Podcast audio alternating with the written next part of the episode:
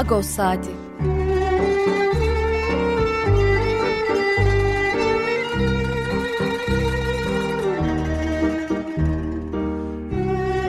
Haftalık Agos gazetesinin penceresinden Türkiye ve Dünya gündemi.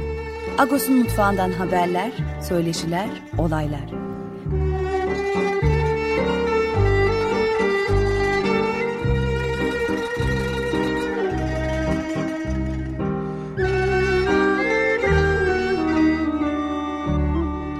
Radyo Agos.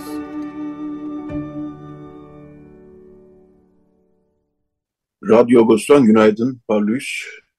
Bugün 8 Nisan Cumartesi. Herkese iyi bir hafta sonu diliyoruz. Ben Yetvar Tanzikyan. Bu hafta size ben yardımcı olacağım.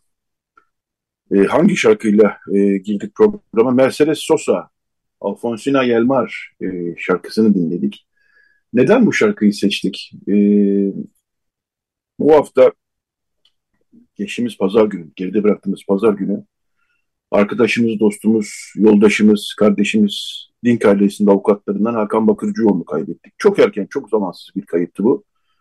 Ee, sosyal medyamızda, gazetemizde zaten büyük bir bölümü buna e, Hakan'ı anmaya ayırttık. E, yaptığımız sosyal medya yayınlarında Hakan'ı hep anıyoruz bir haftadır. Daha da ne kadar ansak azdır. E, bu hafta Ağustos'ta onu yazılarla, mesajlarla uğurladık. Raquel Dink'in anlamlı bir mesajı verdi. Onun arkadaşları, dostları Bahri Belen ki Dinkay davasında hep yanındaydı. Beraber oturuyorlardı duruşma salonunda. Yani Dink ailesi avukatların içindeydi. Fethiye Çetin, e, Emel Aktürk, Çiğdem Mater, e, o da cezaevinden bir mesaj gönderdi. Pakrates Sükkan ki birazdan onunla beraber olacağız. E, benim de bir yazım var. E, Hakan'ı uğurladık. Cenazesinin ayrıntılar e, paylaştık. E, Bahri Belen yazısında e, bir şarkı sözlerine, e, bir şarkının sözlerine yer vermişti ki bizi çok etkiledi gerçekten. Arjantinli e, şair e, Alfonsina Storni için e, yazılmış bir şarkı bu. E, bunu Mercedes Sosa doyumsuz sesiyle seslendiriyor. Birçok yorumu var ama Mercedes Sosa'nınki en e, herhalde iyisi diyebiliriz. Mercedes Sosa'dan dinledik Alfonsina Gelmar'ı. E, Bahri Belen e, yazılmış tabii Hakan'a ama bir de bu şarkının sözlerine ve Türkçe çevirisine yer vermiş. E, kabaca şöyle, e, yalnızlığını da alıp gidiyorsun Alfonsina. Hangi yeni şehirlerin peşine düştün? Rüzgarın ve tuzun antik sesi çatlattığın ruhunu alıp götürüyor. Ve sen öteye doğru rüyadaymış gibi gidiyorsun. Uykuda Alfonsina, denizi giyinerek. Evet yani ruh halimiz böyle. Açık konuşalım bir haftadır. Günaydın Pakat abi, Parlus. Günaydın Yetvar, Parlus. Hakikaten anlamlı bir tercih olmuş bu şarkıyı koyman. Ee, güzel oldu, yerli yerine oturdu sanki. Hakan'a e, gayet uyan cümleler oldu bu açıklama. Ne diyelim, halen alışamıyoruz bu düşüncesine bile yani. Çok ağır bir kayıp oldu bizim için. Evet, buradan da bir kez daha ailesine, sevenlerine, dostlarına e, başsağlığı ve sabır dileyelim. Kendimize de tabii başsağlığı ve sabır dileyelim. Birbirimize başsağlığı diliyoruz. Pazar gününden beri. Zor geçiyor, öyle söyleyelim. E, Pakır abi dün e, Agos'un Instagram sayfasında da seninle bir e, canlı yayın yaptık. Orada da Şimdi ikinci bölümde Bülent Aydın'la, Hrant'ın Arkadaşları İnisiyatifinden Bülent Aydın'la e, Hakan Bakırcıoğlu'nun e, alacağız. Bilhassa Dink davasındaki çalışmalarını, çabalarını konuşacağız. Son bölümde Lucky Vingas, e, Rum toplumundan e, faal bir kişilik. E, Rock yöneticisi, eski e, cemaat vakıfları temsilcisi. E, o deprem bölgesine gitti. Hem deprem bölgesindeki e, izlerinlerini konuşacağız. Hem de e, deprem bölgesinde e, Paskalya'ya giriyor deprem bölgesi Hristiyanlar. E, onları konuşacağız. E, programın, programın akışı da böyle. E, ama biz dün e, bugün seninle de şeyi konuşalım istiyoruz. Ermeni vekil görünmüyor e, aday listelerinde. Bu böyle bir tartışma da yarattı aslında. Niye yok gibisinden. Garopaylan'ın durumu hala belli değil onu söyleyelim. Yarın belli olacak muhtemelen. E, çünkü o iki dönem e, kuralı var HDP'de. Onun iki dönemi tamamlamış gözüküyor ama bir e, değişiklik olabilir mi diye bekliyoruz sonuna kadar. Bunları konuşuyoruz ama dün e, dediğim gibi Agos'un Instagram sayfasında seninle hem Hakan'ı andık hem de e, Adıyamanlıydı Hakan. Biraz Adıyaman Ermenilerinin ni de konuştuk. Bakırcıoğlu Adliyesi'ne konuştuk. İstersen burada da birkaç cümleyle e, bahsedelim bundan fakat belki. Edelim birkaç cümleyle bahsedelim. Bir de ben şu takvimin tuhaflığına da çok takıldım şu sıralar. O kadar ilginç bir şekilde her biri kendi başına çok önemli gündem olacak şeyler iç içe e, girdi ki, girift bir hale geldi ki e, neyi nasıl konuşacağımızı bilemiyoruz. Her şey birbiriyle bağlantılı yürüyor. Şimdi aslında yarın Paskalya Bayramı kutlayacağız. Bu başlı başına kendisi bir gündem, kendisi konuşulması gereken bir şey ama Paskalya kutlayacağız derken şimdi senin de altına çizdiğin gibi deprem bölgesinde Paskalya nasıl kutlanacak? Özellikle Hatay e, vilayetinde bir sürü kilise yıkıldı. Bir sürü cemaatin Paskalya yapacak kilisesi kalmadı. İskenderun'da, Antakya'da, Antakya'nın ilçelerinde, Altınözü'nde, Samandağ'da, şurada, burada e, nasıl bir tuhaf, buruk bir e, Paskalya olacak. Gene deprem sonrasında oralarda yaşanan e, göçler, şu sıra çocukları var diye çocuklarını alıp İstanbul'a gelmiş olan aileler, burada çocuklarını okula koyanlar Paskalya tatilinde fırsat bilip gerisin geri memlekete döndüler. E, ama orada Paskalya nasıl geçecek? E, bu kendi başlı başına bir mevzu. E, Hakan'dan bahsediyorsun. Hakan'dan bahsettikçe gene onunla paralel bir sürü çağrışım var. E, buna karşılık hayatın tuhaf bir döngüsü var. Kendi içinde devinip duruyor. Bir gün önce e, yas evindeyken, taziye evindeyken, cenaze törenindeyken ertesi gün doğum günü kutlayabiliyoruz. Çok tuhaf bir e, sürecin içerisinde sürüklenip gidiyoruz. Yarın da dediğin gibi Paskalya bizler gene e, Boyacıköy Kilisesi'nde olacağız. Emirgan'da, Emirgan sırtlarında o tarihi Boyacıköy denen e, yerde. Çünkü orada İstanbul'un en ilginç Paskalyası kutlanıyor. Hiçbir yerde İstanbul'da Paskalya dini ritüelin dışında bir anlam ifade etmiyor. Bayram coşkusu başka hiçbir yerde kutlanamıyor ne yazık ki. Benim çocukluğumdan beri de bu böyleydi. Ben çocukken bunun istisnası Samatya'ydı belki. Samatya'da çünkü Sürkeor Kilisesi'nin kapısının önünde bayram yeri kurulurdu. Orada e, o cadde müsaitti buna. Trafiğe falan zaten o zamanın trafiği de çok daha seyrekti.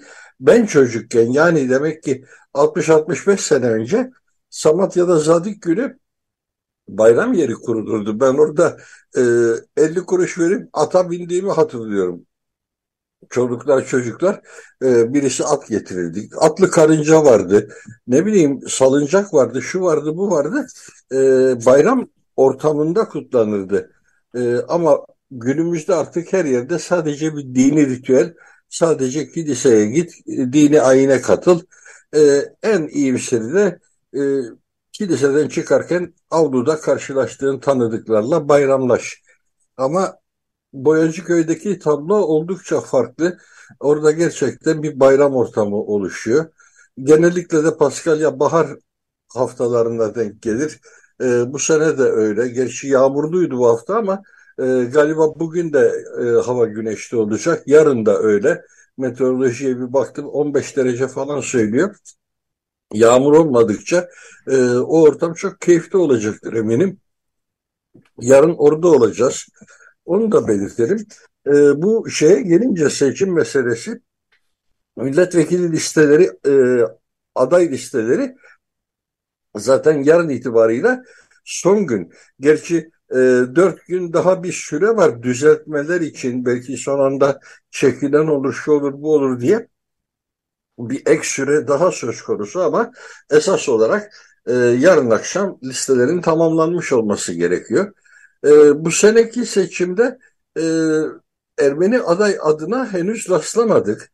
E, HDP bu konuda duyarlıydı. Şimdi bu seçimde Yeşil Sol Parti olarak bahsedeceğiz artık HDP'den. O kapatma davasından ötürü bir tedbir olarak Yeşil Sol Parti adıyla seçime katılacak HDP. Ee, ama geçen dönemlerde e, Cumhuriyet Halk Partisi'nden de adayımız vardı. Ee, Adalet ve Kalkınma Partisi'nden de adayımız vardı. Hatırlayacaksın hem Selin Doğan hem Marka Resayan hem de Garo Paylan ayrı dönem, aynı dönemde üç farklı partiden milletvekili olarak meclise girmişlerdi. E, şu anda e, sen de demin söyledin Garopaylan'ın halen vekilliği netleşmiş değil. E, iki dönem prensibi var genel olarak. O prensip uyarınca zaten Garo'nun aday olmaması söz konusu. Ama bunlar ihtiyaçlar doğrultusunda belli esnetilebilen kurallar öyle ki e, yarınki kararı göreceğiz. Ondan sonra listeler açıklanınca daha net söyleyeceğiz ama şu anda bildiğimiz kadarıyla Ermeni bir aday ismine henüz rastlanmıyor. Ee, yani daha aday önce, adayları var da netleşmiş bir isim yok. Aday adayları CHP. CHP iki kişi başvurdu ama onların e, ile ilgili bir şey geri dönüş bilmiyoruz yani seçilebilecek bir yere konacaklar mı konmayacaklar mı gibisinden. Bunları başvuru düzeyinde şimdilik. E, Garopayların içinde çok fazla talep var tabii HDP'ye ve Garopayların tekrar ol, tekrar ol, tekrar ol diye. Yani iki dönem e, mi canım e, gibisinden. E, böyle bir e, yani biz iki üç hafta böyle Garo'yla yayın yaparken Dagos'un Instagram sayfasından epeyce bir mesaj geldi. E, Garo e, ne zaman yola çıksa biliyorum bazen biz yan yana oluyoruz. E, vekilim tekrar olun falan diyorlar. HDP'de böyle bir şey var. Ermeni vekil e, Garo eğer iki dönem kural esitilmezse Garo olmayacak. E, bu durumda Ermeni vekil görünmüyor. E, yani şunu da söyleyeyim. E, Ermeni vekil için bizi arıyorlar aslında HDP'den ve e, Türkiye İşçi Partisi'nden. Biz bazı isimler e, söylüyoruz, zikrediyoruz ama yani biz onlarla konuşmamış oluyoruz tabii. Yani biz havada bir şeyler söylüyoruz. Burada sanıyorum her iki partide e, yani e, yani CHP'den, AKP'den böyle bir teklif gelmediği için yani daha doğrusu bize bir e, rica gelmediği için, soru gelmediği için onları saymıyorum ama HDP'nin ve tipin de aslında bu konuda biraz geç kaldığını söylemek lazım. Bunlar böyle hani tanıdığınız kişileri arayıp var mı Ermeni vekil sorusuyla gelişecek şeyler bence değil. Yani e, HDP bundan önceki seçimlerde toplantılar yapardı. E, Ermeni, Rum, Süryani toplum, Yahudi toplumlarıyla, azınlık toplumlarıyla geniş katılımlı toplantılar yapardı. Oralardan bir şeyler çıkardı. Şimdi böyle telefon üzerinden şu olur bu olur filan ben çok da sevmiyorum böyle açıkçası. Yani şunu arayın bunu arayın filan demeyi. Çünkü belli ki o ilişkiler kurulmamış o güne kadar. E, dolayısıyla ben e, soruyorlar Emine Vekil olmazsa e, valla olmazsa da olmasın. Yani hani böyle e, Garo'yu ayrı tutuyorum. Garo paylarını ayrı tutuyorum. Baştan birini söylüyorum. O çok hakkını vererek yaptı ve yapacaktır tekrar olursa ama hani sırf Ermeni birini koyduk gibisinden de bir e, şey olması da çok benim yadırgadığım bir durum olur açıkçası. Bilmiyorum Kes, sen ne dersin? Kesinlikle aynı fikirdeyim. Fakat e, şunu da belirtelim. Garo Paylan'ın da milletvekilliğine giden sürece girişi tam da demin senin e, sözünü ettiğin gibi e, bizlerle yapılan danışma toplantılarının sonucunda şekillendi. O dönem yani HDK'nin e, kongre hareketi olarak şekillendiği dönemde e, gazetemizi ziyarete gelmişti bir heyet. Bu kurucu unsurlardan oluşan bir heyet ve bizden de isim talep ettiler. O dönemde iki isim e, bu işe gönüllü oldular. Bunlardan biri Garopaylan'dı. Ve bugüne kadar da Garopaylan performansıyla son derece başarılı götürdü bu işi. Diğeri de bir arkadaşımızdı ama bir süre sonra aylar içerisinde e, on makamdaki sorumluluklar arttıkça Dedi ki bu yük ağır geliyor bana. Hem benim kapasitemin üstüne çıkmaya başladı bu sorumluluk e, hem de ben fiilen yetişemiyorum ve o affını istedi. Bu biliyorsun Erdoğan hükümetleri döneminde e, edindiğimiz bir jargon oldu ama affını istemek tam da böyle oldu. Arkadaşımız dedi ki ben bu işe gönüllü olmuştum ama e, buradaki sorumluluklar beni aşıyor ve Vares'te kaldı. Buna karşılık Garopaylan e, parti meclisinde şurada burada her aşamada üstlendiği görevi son derece başarıyla götürdü. Bugüne kadar da öyle.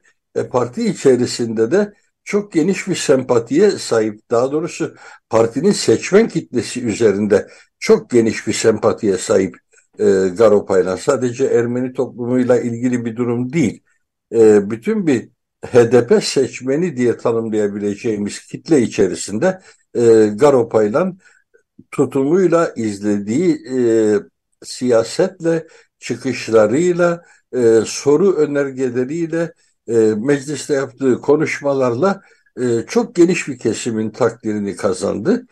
Doğal olarak da bir kesimlerinde tabii e, daha çok nefretini kazandı. O da e, kaçınılmaz bir tabloydu bu ama e, biz işin o tarafında değiliz. O nefret üretenler başarılı olan herkese karşı nefret üretmeye hazırlar zaten. O yüzden onları dikkate almaya gerek yok. E, ama partinin e, seçmen kitlesinde Garo'nun ismi çok özel bir yere oturuyor. Bundan da tabii gurur duyuyoruz hepimiz.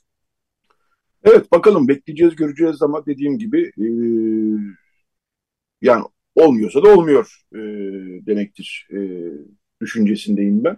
Yani Garo'yu dediğim gibi her zaman ayrı tutuyoruz burada onun pozisyonunu çabalarını ama onun dışında e, yani HDP'li tipin bilhassa bu ittifak konusuna e, biraz e, fazla meşgul olduklarından kaynaklanan da bir e, meşguliyetleri oldu belli ki. E, diğer partiler için de aynı şey geçerli. İttifak, ittifak yani her şey ittifaka kafa yorulur hale geldi. Daha geniş toplumları kucaklayacak bir e, olacak mı olmayacak mı göreceğiz daha doğrusu. Belki de sürpriz bir iki isim görürüz. Belli olmaz bu işler. E, son 2-3 dakikamız Fakret abi. E, programın başında Hakan Bakırcıoğlu'nun Adıyaman e, köklerini e, burada da konuşalım demiştik. Onu da atlamayalım istersen.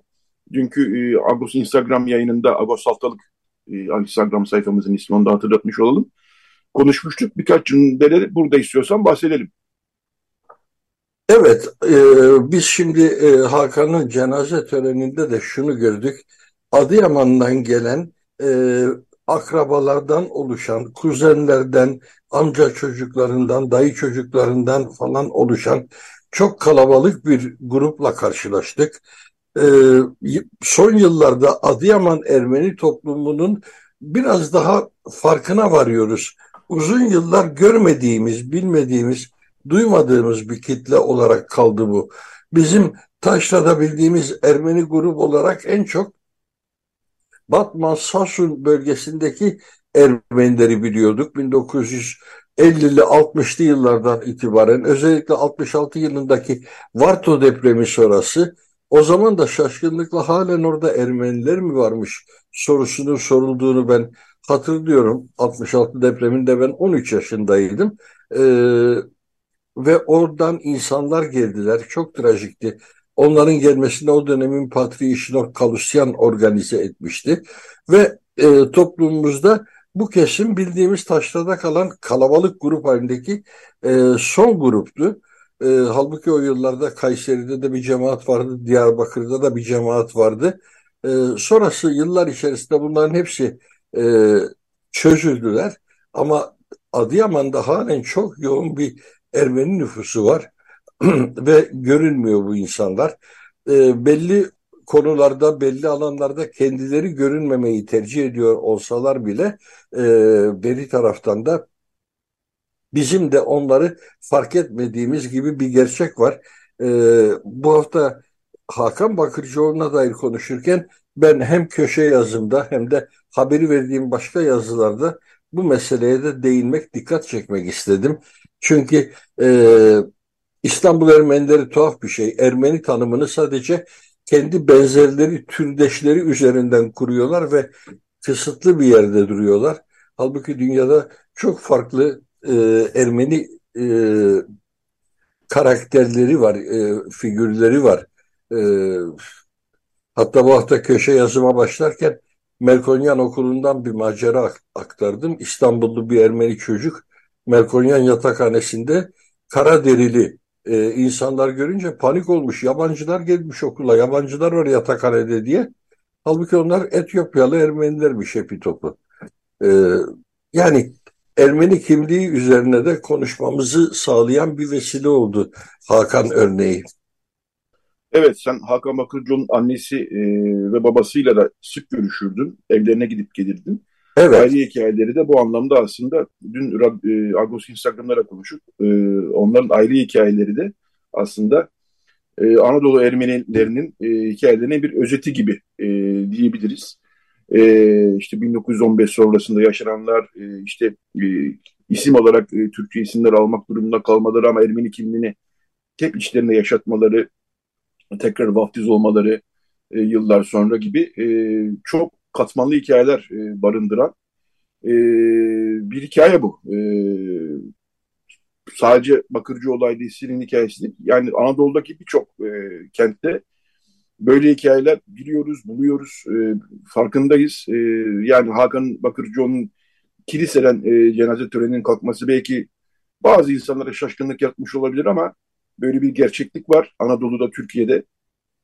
E, Hakan'ın e, hayatı da aslında bu gerçekliğin örneklerinden bir tanesi ve bunu hep kendi içinde çok belli etmeden dışarı ama işte kendi yakın olduklarıyla paylaşarak e, bir hayat sürdürdü Hakan Bakırcıoğlu. E, burada yeni gelmişken bunu da bir kez daha e, konuşalım dedik. E, cenaze töreninde e, ona yakışır bir tören oldu. E, törendeki konuşma da iyi bir konuşmaydı. Onun hak mücadelesine, adalet mücadelesine vurgu yapan bir konuşmaydı kalabalık bir katılım vardı gerçekten. E, çok erken, çok zamansız ama ona yakışır bir şekilde halkını uğurladığımızı düşünüyorum. E, artık e, bir şarkı çalarak bu bölümü kapatmanın vakti. Bir iki cümlem varsa Bakrat abi ekleyebilirsin. Şimdi e, çok e, doğrusun. E, bu tesellisi olmayan bir kayıp özellikle annesi için, babası için ama ille bir teselli aramak gerekirse hakikaten o günü Kumkapı Patrikhane Kilisesi'ni dolduran kitlenin tipolojisi benim açımdan önemli bir teselliydi. Orada ne farklı kesimlerden insanlar vardı. Hepsi de Hakan'la bir şekilde bütünleşebilen, Hakan'la temas edebilen insanlar. Öncelikle dediğim gibi memleketinden gelen kendi akrabaları vardı. Yakın uzak akrabalar. Öbür taraftan e, öğrencilik yıllarından sınıf arkadaşları vardı. Kimisi Bodrum'dan geldi, kimisi Ankara'dan, kimisi İzmir'den bu cenazeye katılmak için geldiler. Ee, insan hakları mücadelesinde Hakan'ın çok önemli bir e, geçmişi var. İHA'de çevreleri, İnsan Hakları Vakfı çevreleri, buralardan çok anlamlı e, katılımlar vardı. Hrant Dink avukatı olarak götürdüğü vazifeden ötürü edindiği çevreler var ve e, gurur verici bir uğurlama tablosu oluştu.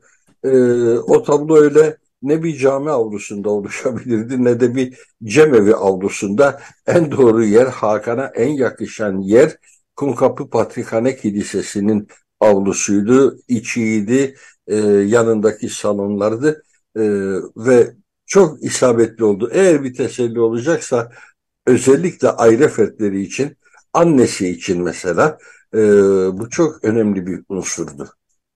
Evet, eşine e, Sibel Bakırcıoğlu'na, evet. Perihan Hanım'a, babası Nuri Bey'e tekrar buradan ve bütün yakınlarına başsağlığı dileyelim. Evet Pakır abi bu bölümün sonuna geldik. Bir şarkıyla kapatacağız. Latin Amerika'dan esintilerle başlamıştık. E, gerekçesini anlatmıştık. E, gene bir e, Latin Amerika'ya uzanalım e, Mıgırdiç Mikailyan gitarist, Ermeni gitarist, ünlü bir gitarist aslında. Onun e, Meksikalı besteci Manuel Ponce'nin bir e, eseri sesini seslendirecek e, Mıgırdiç Mikailyan. Sherzino Mexicano. Evet bu bölüm bu şarkıyla bu bölümü kapatıyoruz. İkinci bölümümüz birazdan başlayacak. E, Radyo Ghost devam ediyor. Mıgırdiç Mikailyan dinleyelim. Teşekkürler Pakrat abi. Rica ederim görüşürüz. Radyo Agos. Evet Radyo Agos devam ediyor. E, bu bölümde Grant'ın Arkadaşları inisiyatifinden Bülent Aydın e, konuğumuz. E, günaydın Bülent abi. Günaydın, e, iyi çalışmalar. Teşekkürler. E, Hakan Bakırcıoğlu'nu e, anıyoruz. E, ne kadar ansak azdır. İşin gerçeği bu. E, bu bölümde de Hrant'ın Arkadaşları inisiyatifinden e, Bülent Aydın'la konuşmayı tercih ettik. Çünkü Bilhassa kamu görevlilerinin yargılandığı e, duruşmalar boyunca her duruşmada beraberdik. E, Bülent Aydın da e, vardı duruşmalardan. Rantan arkadaşların inisiyatifinin başka arkadaşlar da vardı. Duruşma öncelerinde, duruşma aralarında, duruşma sonralarında hep e, davayı konuştuk. Ve Hakan'ın ne kadar büyük bir çaba gösterdiğinin canlı tanığıyız aslında. E, ben belki 4-5 duruşma kaçırmışımdır. E, ama o 100 küsür duruşmanın çok büyük kısmını e, takip ettim. Bülent Aydın da öyle takip etti. Evet. E, onun dışında da zaten Hakan bizim dostumuz, arkadaşımız, kardeşimizdi. Onu da ayrıca vurgulamak isterim. Ee, senin bu hafta Ağustos'taki yazın çok etkileyiciydi gerçekten. Teşekkür ederim. Ee, kurtuluştan e, otobüse otobüsler kalktı Kurtuluş'tan ve e, başka semtlerden cenaze için. Sen de o e, otobüsle giderken Tarlabaşı Bulvarı'ndan geçişini e, anlattın. E, Hrant Dink'in cenazesinden geçişini hatırlattın yazıda. E, cenaze gününü hatırlattın. O bulvardan evet, geçerken. Evet biz Hakan'la da konuşmuştuk bunu. E, de, devam edeyim hatta senin. Tabii tabii. Sözü ben sana bırakıyorum abi. Çok teşekkür ederim. Ya öncelikle e, e, elinize sağlık. Agos e, e, Hakan'ı ilk günden beri e, gerektiği gibi ve her yönüyle anlatan yazılarla ve yorumlarla e, Hakan'ı e, andı. E, sadece Agos değil, tabii çeşitli e, yayınlarda da Hakan'la ilgili e, çok değerli yazılar yazıldı. Bunların hepsini takip ettim. E, Biyanet'te yine davayı yakından izleyen gazetecilerden Erol Önderoğlu, Hakan'ın da arkadaşıdır, nikah şahididir aynı zamanda. E, iyi de dostudur. Onun yazısı çok güzel, e, hem duygulu hem Hakan hakkında bilmediğimiz bazı değerli özelliklerini de içeren bir yazıydı. Biz cenazeden dönerken Erol Önderoğlu'yla yan yana oturduk e, otobüste. E, cenaze yani cena Balıklı'dan tekrar kiliseye dönerken Erol çok e, çok zorlanıyordu ve duygusal bir durumdaydı. E, içi sıkılıyordu. Dedim Erol'cum eğer e, biraz biraz daha kendini iyi hissetmek istiyorsan Hakan'ı yaz, anılarını paylaş, çektiğim fotoğraflarını da paylaş. E, böylece daha iyi hissedeceksin kendini. Nitekim yine öyle olmuş. Biz e, Hakan'ın e, ölüm haberini aldıktan sonra e, önce Hrant'ın arkadaşları bir birbirimize taziye dileyip ağlayıp e, yurt dışında olan arkadaşlarımız var. Çiğdem gibi e, haksız hukuksuz e, ceza bir yıla yakın süredir cezaevinde olan arkadaşımız var. Özlem gibi e, yurt dışında olan arkadaşlarımız var. Onlarla konuştuk. Sonra Hakan'a e, yol yol arkadaşımız diye seslendiğimiz bir e, ilan hazırladık. Hrant'ın arkadaşları bir taziye ilanı. E, biz orada e, adalet mücadelesinin sonucunu göremeden aramızdan ayrıldığını vurguladık ve onun o salondaki vicdan ve adalet talebinin e, sesi olduğunu söyledik. Gerçekten öyleydi. Şimdi ben e, düşünüyorum bu özellikle senin de vurgulandı, vurguladığın gibi e, davanın genişlediği yani bizim yeniden görülen aşama ikinci aşama veya devlet görevlerinin yargılandığı aşama diyoruz ki sanık sayısını düşünürseniz dosya kapasitesini düşünürseniz ve birkaç yargılanmanın birleştiği bir dava olduğunu düşünürseniz bu oldukça kapsamlı e, bir davaydı. Davanın e, tüm duruşmaları boyunca neredeyse yani o 131 duruşmada e, Hakan'ın e, katılmadığı belki olmuştur e, bir hastalık e, bir şey olmuştur ama ben sanki Hakan hep o salondaydı diye düşünüyorum. Ve o 131 duruşmanın da yine aynı şekilde ben de Hrant'ın arkadaşlarıyla beraber ve onlar e, adına o duruşmaları senin de dediğin gibi takip ettim. Demek ki neredeyse 130 duruşma boyunca ben Hakan'ı dinlemişim. Sonradan da düşündüğüm zaman ben o yazıyı yazarken e, o yazıyı ya Hakan hakkında Hakan hakkında bir yazı yazar mısın diye bana önce Nadire söylemişti. Sonra cenazede seninle konuştuk. Hemen yetiştirip o gece yazıyı sana yolladım. Bugün de e, Nadire de Biyanet'te yayınladı o yazıyı. Ona Biyanet'e de çok teşekkür ederim. Hakan için yaptığımız her şeyin bir karşılığı olduğuna inanıyorum ben. Çünkü siz de Agos'ta konuştunuz. Özellikle Radyo Agos dinleyicilerinin, Agos okurlarının zaten haberi var. Zaten biliyorlar Hakan'ın kim olduğunu, nasıl bir insan olduğunu. Fakat sadece olumlu kişisel özellikleriyle değil, Hakan Bakırcıoğlu Hrant Dink davasına verdiği emekle aynı zamanda toplumsal mücadele tarihimizde de yerini almış, hak adalet mücadelesinde yerini almış bir insan. O yüzden belli ki biz bundan sonra Hakan'ı da saygıyla, sevdiği, sevgiyle andığımız insanların arasına koyacağız. Ve elbette ki nasıl ki her 19 Ocak'ta Agos'un önünde sevgili Hrant Dink'i anıyorsak belli ki her 19 Ocak'ta artık biz Hakan Bakırcıoğlu'nun da orada sevgiyle adını anıp e, kulaklarını çınlatacağız. Senin söylediğin gibi Pakrat abi de vardı otobüste. Kurtuluş otobüsünden dönerken Taksim'i gerçekten de o büyük kalabalıkta e, Hrant Dink'in cenazesini e, götürdüğümüz günde e, ses ben ses aracının üstündeydim ve ses aracının e, o kalabalıkla Taksim yönüne doğru gecikeceği belli olunca yani gitmesi mümkün olmayınca arka sokaktan Feridiye Caddesi tarafından e, çıkmıştık bulvara, Tarlabaşı bulvarına böylece o kalabalık büyük kitlenin arabayı önüne geçirmiştik. Oradan yukarıdan aşağıya doğru devam etmiştik. Sisli puslu bir havaydı. Aynı yoldan Hakan'ın cenazesine giderken ve aşağıya doğru inerken yani Un Kapanı Köprüsü'ne doğru inerken e, gözümde canlandı gerçekten de Hrant Dink'in arkasında yürüdüğümüz. İçimiz yandı çünkü şimdi de daha gencecik yaşında Hakan'ın arkasından buradan yürüyoruz. Konuşmuştuk biz bunu Hakan'la. Hakan sen de e, benden daha iyi tanıyorsun. Son derece ölçülü, son derece e, sözünü tartıp da söyleyen, duygularını da öyle yaşayan bir insandı. Yani ne gerekiyorsa onu söylerdi, fazlasını eksiğini söylemezdi.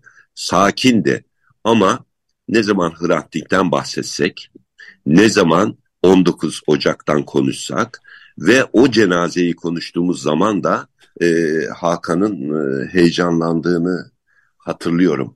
Ve e, de, yine bu e, Hrant Dink davasına dönersek biz e, Hrant Dink davası boyunca müdahil avukatlar e, e, sandalyelerinde e, başka e, sevgili avukat arkadaşlarımız da gördük tabii onlarla da sohbetlerimiz oldu. Bu kadar uzun sürünce dava ve duruşmalar e, biz hepsiyle de hem arkadaş dost olduk ve hepsini de tabii ki çok sevdik.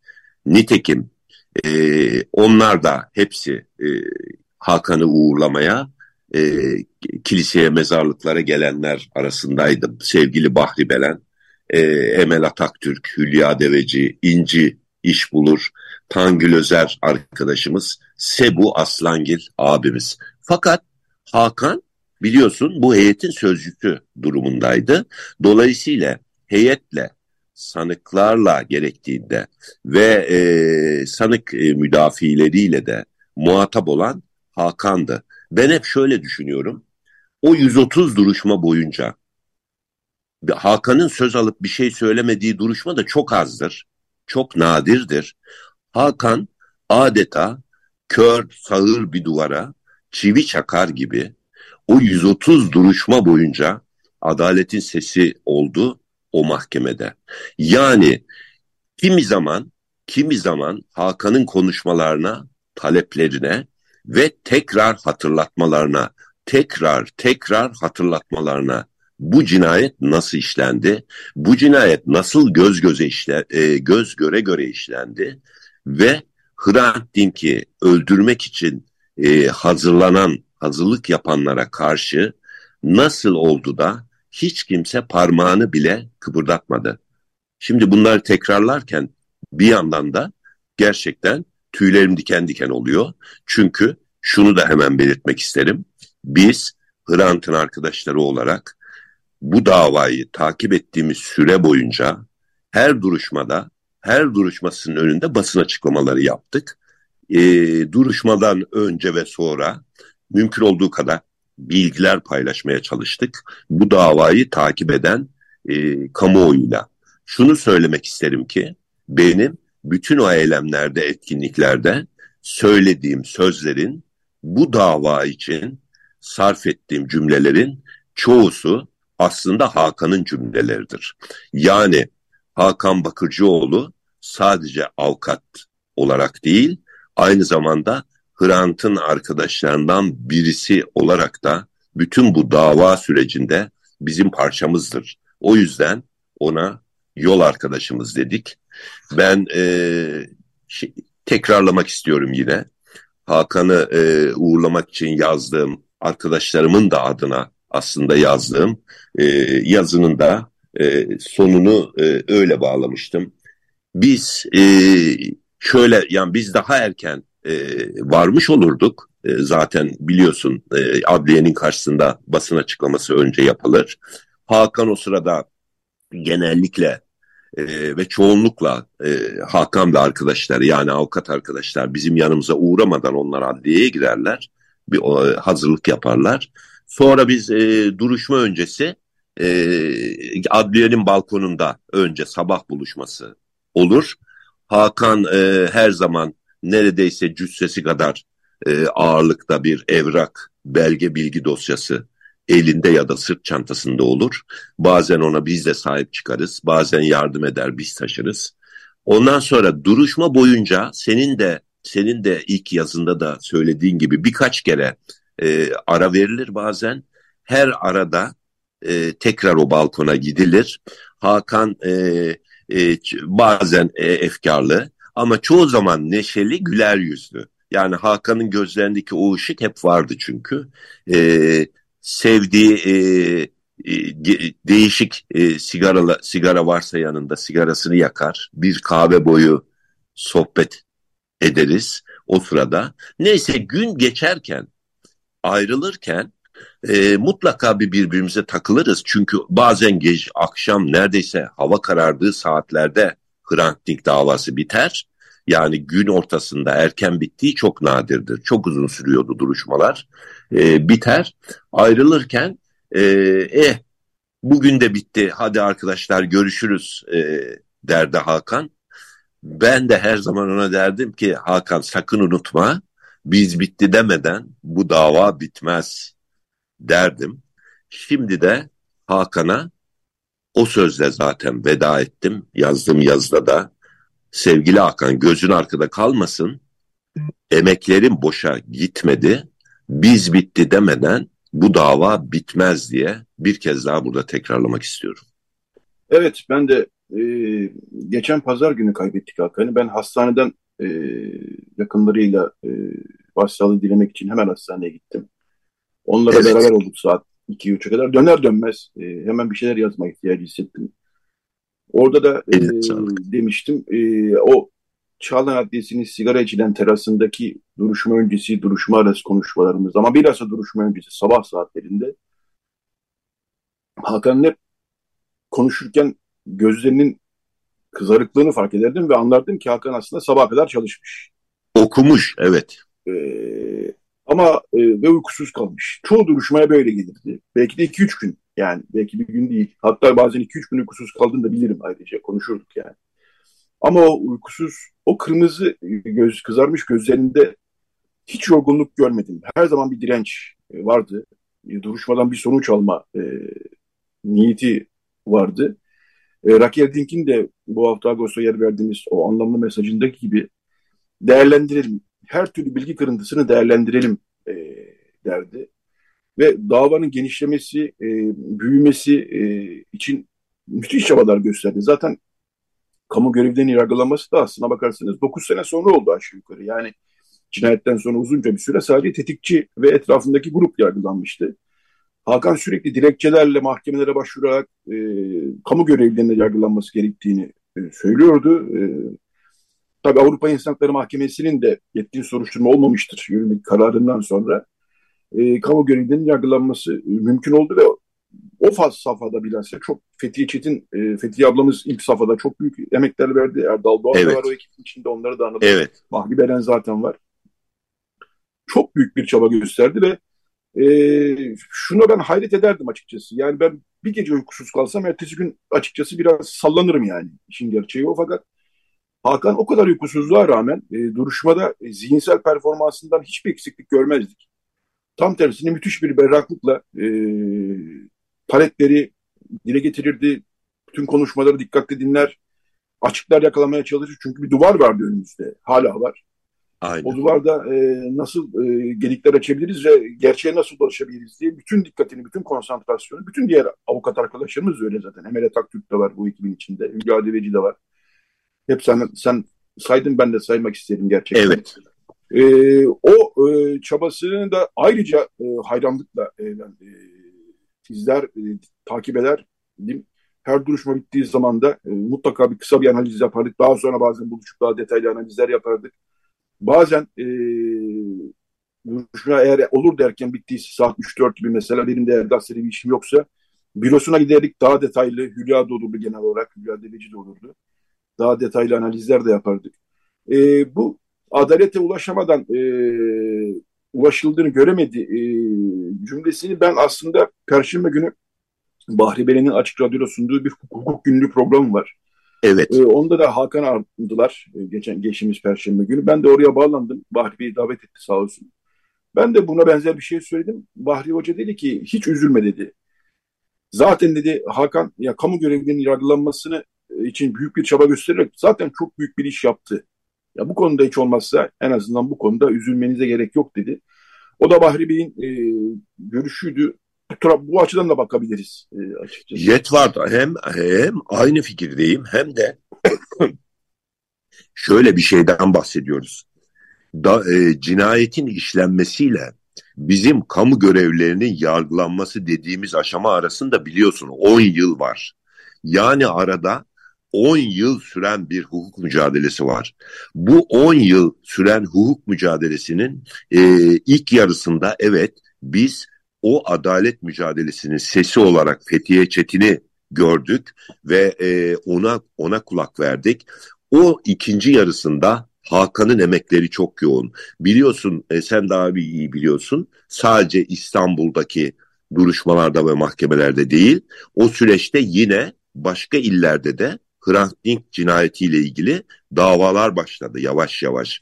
Defalarca yapılan başvurular, e, müracaatlar, raporlar, ahim kararları falan derken bir e, bir açılır gibi oldu e, adalete dönük bir pencere. Fakat biliyoruz, izledik, tanık olduk. Hızla birkaç yıl içerisinde o perde yeniden belli bir çerçevenin dışına taşmayacak şekilde kapatıldı.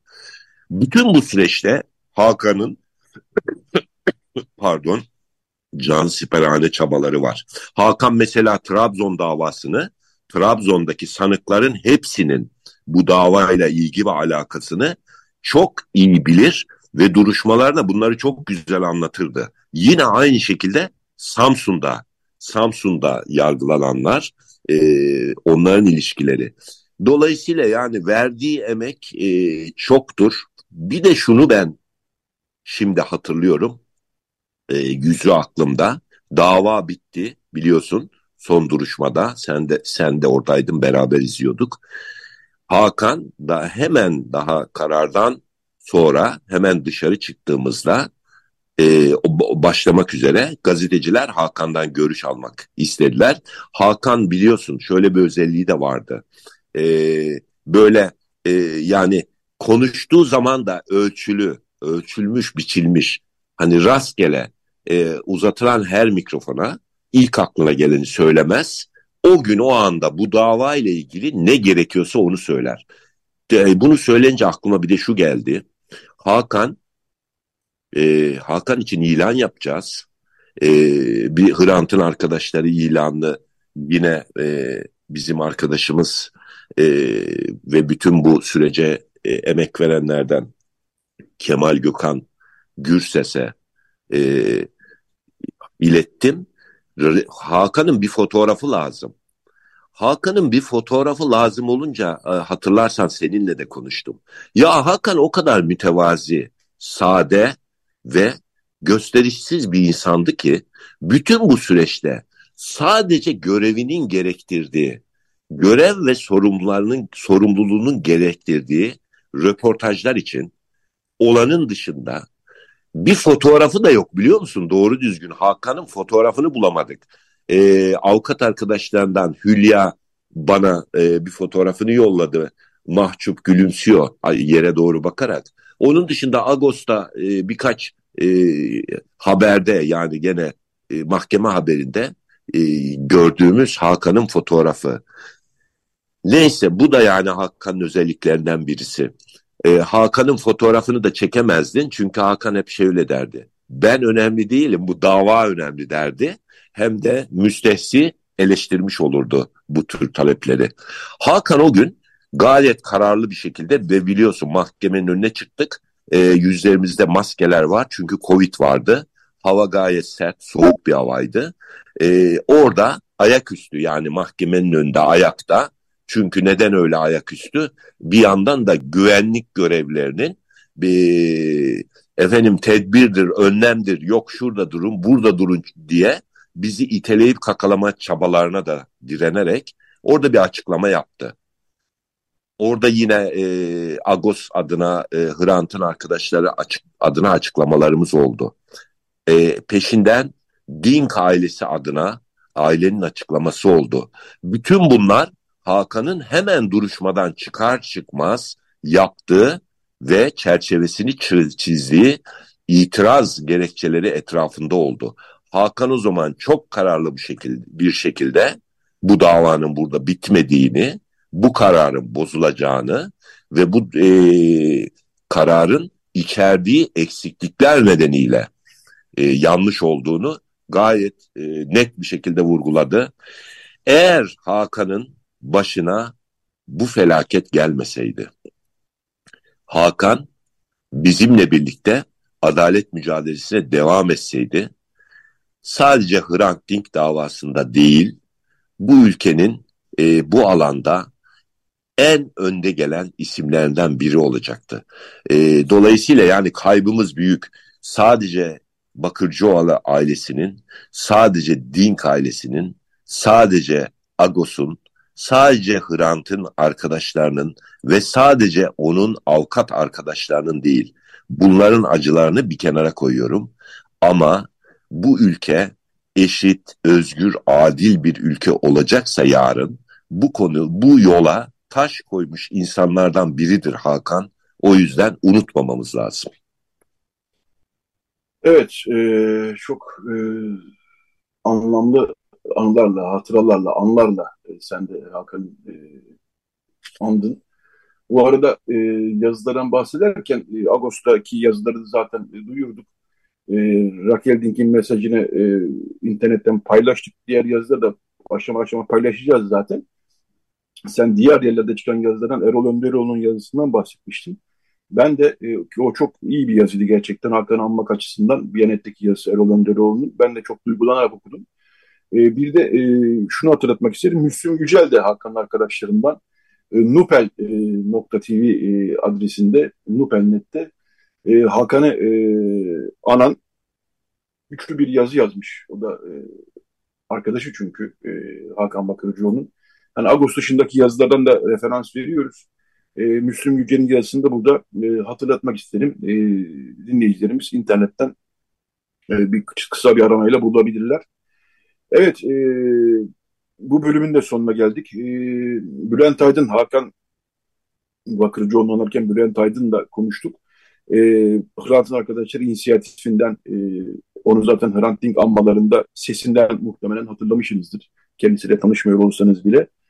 E, Bülent Aydın'la konuştuk. Çok teşekkürler Bülent Aydın. E, Sevgiler Yetocuğum. Eline sağlık senin de. Bütün, e, bütün bunları aslında Hrant'ın arkadaşları inisiyatif adına da söylediğini biliyorum. E, evet. Kalabalık bir grup Hrant'ın arkadaşları inisiyatif. Belki bilmeyenler olabilir.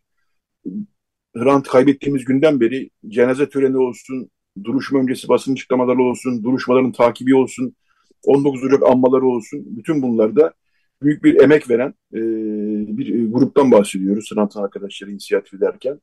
E, biz de çok büyük bir, e, ben de kendimi Hrant'ın Arkadaşları inisiyatif içinde sayıyorum zaten. Elbette. Agos'un, Agos'un e, çalışan olmanın ötesinde, Hrant Dink'in ahbabı dostu olmanın ötesinde bu inisiyatifin içerisinde sayıyorum zaten. Hrant'ın arkadaşları olarak da büyük bir yara aldık. Bu bir gerçek. E, yani her başıma sıkıştığında Hakan'ı arayalım e, derdik. E, artık her başıma sıkıştığında Hakan'ı anacağız. Her başıma Aynen öyle. Çok güzel her, söyledin. Her başımız sıkıştığında değil aslında. Her an Hakan'ı anacağız ama başımız evet. sıkıştığında daha fazla anacağız. Öyle söyleyeyim. Ee, çok teşekkürler Hakan Bakır. Ee, Joel'un anarken bize e, katkı verdiğin için hem yazında hem de bu yayınla. Ee, te- teşekkürler Bülent Aydın. Sana da iyi bir hafta sonu diliyorum. Ben teşekkür ederim. Sevgilerimi iletiyorum. Teşekkürler. Evet bu bölümün de sonuna geldik. Bir şarkı çalmıyoruz. Ee, genelde bu bölümü kapatırken de bir şarkı çalardık ama hemen e, reklam arasına gidelim. Çünkü 10'dan böyle 10 saat 10'dan sonraki kuşakta bölümde bir konumuz daha olacak. Lucky Vingas konumuz olacak. Deprem bölgesinden izlenimlerini aktaracak bize. Evet şimdi bir reklam arası daha sonra Radyo Agos devam edecek. Radyo Agos. Bir Gomidas ezgisi dinledik. Evet Radyo Agos devam ediyor. Bir Gomidas ezgisi dinledik. Ee, piyanist e, Anna Amma Kumya'nın e, performansı 1969 yılından bir kayıt bu Ermenistan radyosundan. Yetu Araş bir geri, geri ve ileri e, bu ezginin ismi. E, şimdi bu bölümde e, Lucky Vingas konuğumuz. E, Lucky Bey sık sık bizim gazetemize de e, radyo programımıza da konuk oluyor. E, dinleyicilerimiz, okuyucularımız tanır muhtemelen. Lucky Bey e, eski Cemaat Vakıfları temsilcisi e, ve Yeniköy Panayorum Ortodoks Vakfı'nın da yöneticisiydi. E, depremden beri e, sık sık bölgeye gidiyor e, ve oradaki e, durumu gözlüyor. Günaydın Bey, hoş geldiniz yayınımıza. Günaydın, günaydın. Nasılsınız? Teşekkürler, siz de iyisiniz umarım. Ee, iyiyim. Ee, evet, siz e, geçen hafta tekrar deprem bölgesine gittiniz. E, orada e, sorunlar varsa sorunları gözlemek, e, ihtiyaçları e, gözlemek yardım faaliyetine ihtiyaç varsa yardım faaliyetlerini organize etmek amacıyla da gittiniz. E, sanıyorum Mersin, İskenderun ve Antakya'yı gezdiniz. E, evet, bu sefer e, bu, e, bu kadar gidelim. Çok kısa bir ziyaret oldu. E, tek başıma da değildim. O açıdan da ancak buralara gidebildim.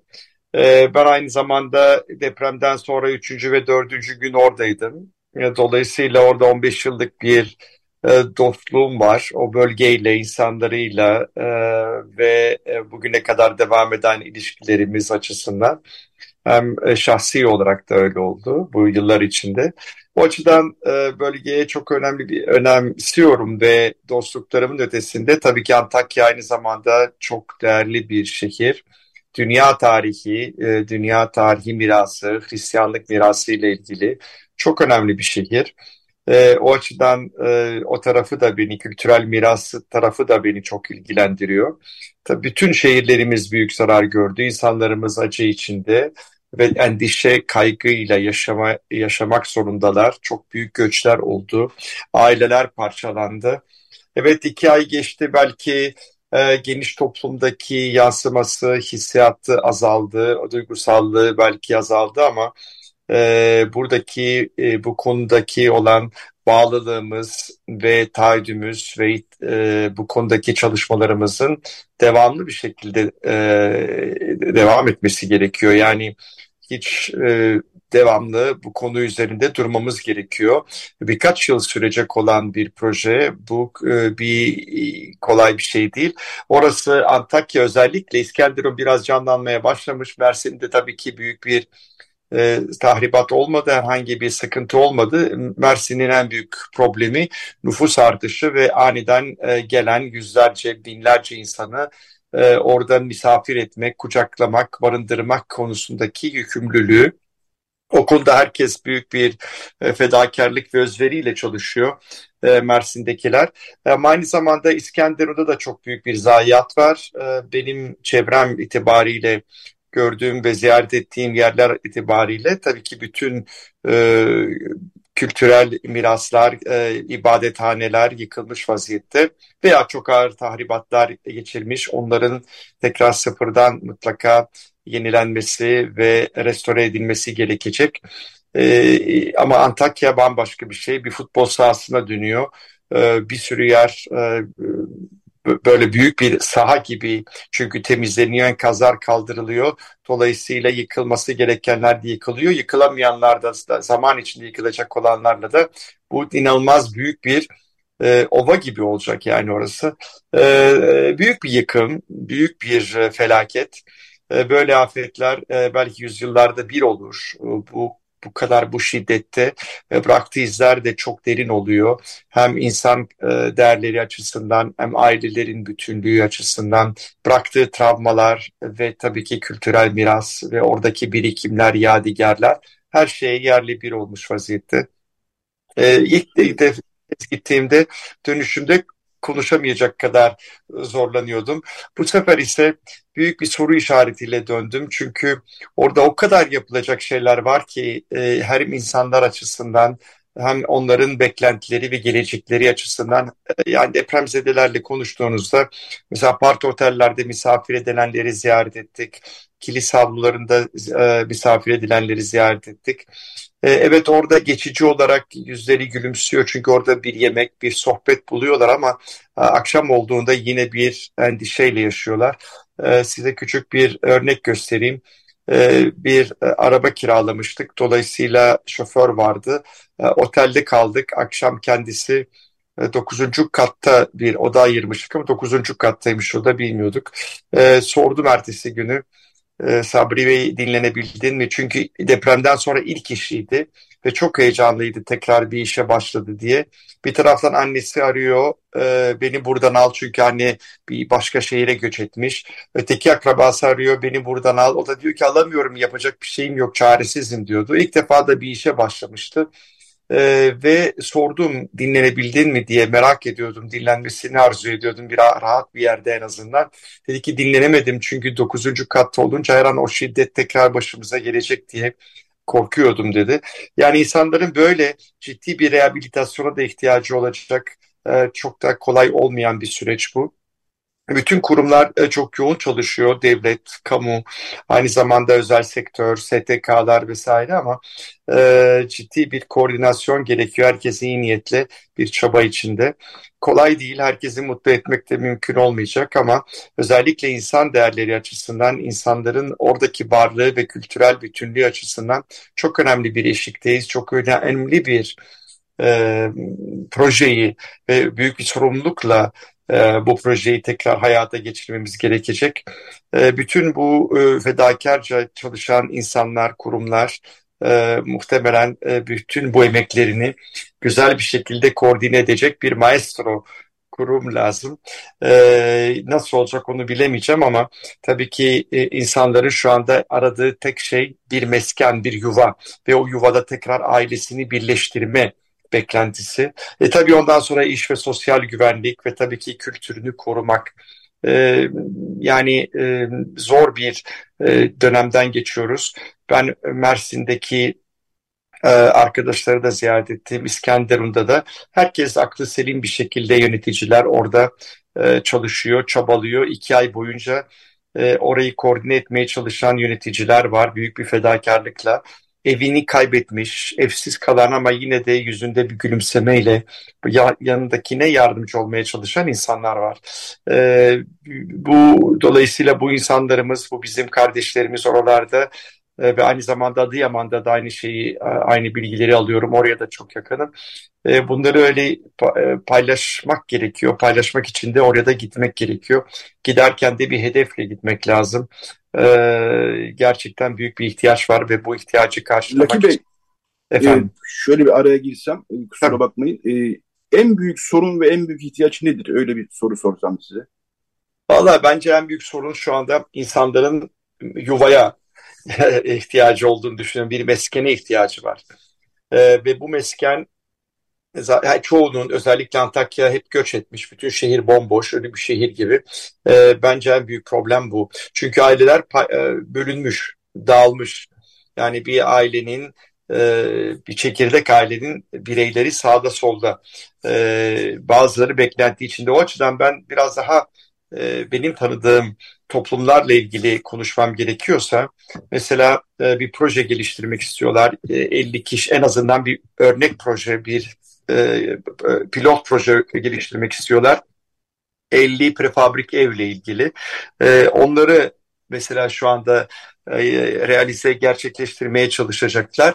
E, sanıyorum o bir pilot bölge olacak. Böylece insanlar artık bir apart otelde sağda solda başkalarıyla yaşamak yerine veya böyle bir yaşlılar yurdunda vesaire kendine özgü bir küçük tekrar sıfırdan başlayacak bir ev yaratacak. O ondan onun paralelinde de bir iş imkanı bulursa yıkılmış olan ev, eviyle ilgili de bir çare arayacak. Onu nasıl artık devlet mi destekleyecek, bazı özel projeler bir kredilerle mi destekleyecek? Tabii ki Antakya bambaşka bir konu. Ee, burada Kocaeli depremi var. Sanıyorum 1999 e, depremi çok eski bir deprem değil. Onu yaşayan, onu deneyimleyen e, binlerce insanımız var.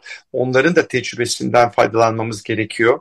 Çünkü ondan sonra yapılacak olan, inşa edilecek olan şehir oradaki yerel insanların duygularını ifade eden bir şehir olması gerekiyor kanaatindeyim. Yani sonra böyle bir tek düze bir e, birilerinin e, bir proje üzerinde gelin burada oturun, burada yaşayın gibi böyle bir şehir planlaması değil de daha çok oradaki insan kültürüne uygun bir şekilde ve oradaki insanların mutabakatı da alınarak sağlanarak bir ortak bir yol çizilmesi gerekiyor. E, Antakya'nın bütün yoksa Antakya e, yepyeni sıfır e, eski kültürüyle alakası olmayan tek düze bir apartmanlar şehri olabilir ve e, tabii kültürel e, miraslar, ibadethaneler hepsi yıkıldığı için muhtemelen tekrar yapılacak. O zaman da bu oteller gibi işte ne bileyim ben e, Buckingham Sarayı, Kremlin Sarayı gibi örnek oteller gibi olacak. O da bir ancak öyle e, bir e, gerçekçi olması gerekiyor. E, yolumuz uzun Cezvart Bey, yolumuz uzun. Evet. Dayanışma içinde olmamız lazım. Dayanışma ve insan sevgisi sanıyorum bu konuda çok büyük bir e, güç olacak insanlarımız için. Bu arada önümüzdeki hafta Ortodoks Paskalyası olduğu için de e, oradaki e, toplumun çoğu Ortodoks ve o e, Şam Patriği, e, Rum Ortodoks Şam Patriği orayı ziyaret edecek. Paskalya'yı orada geçirecek. O açıdan da orada bir e, heyecan var, tatlı heyecan var, bir organizasyon var.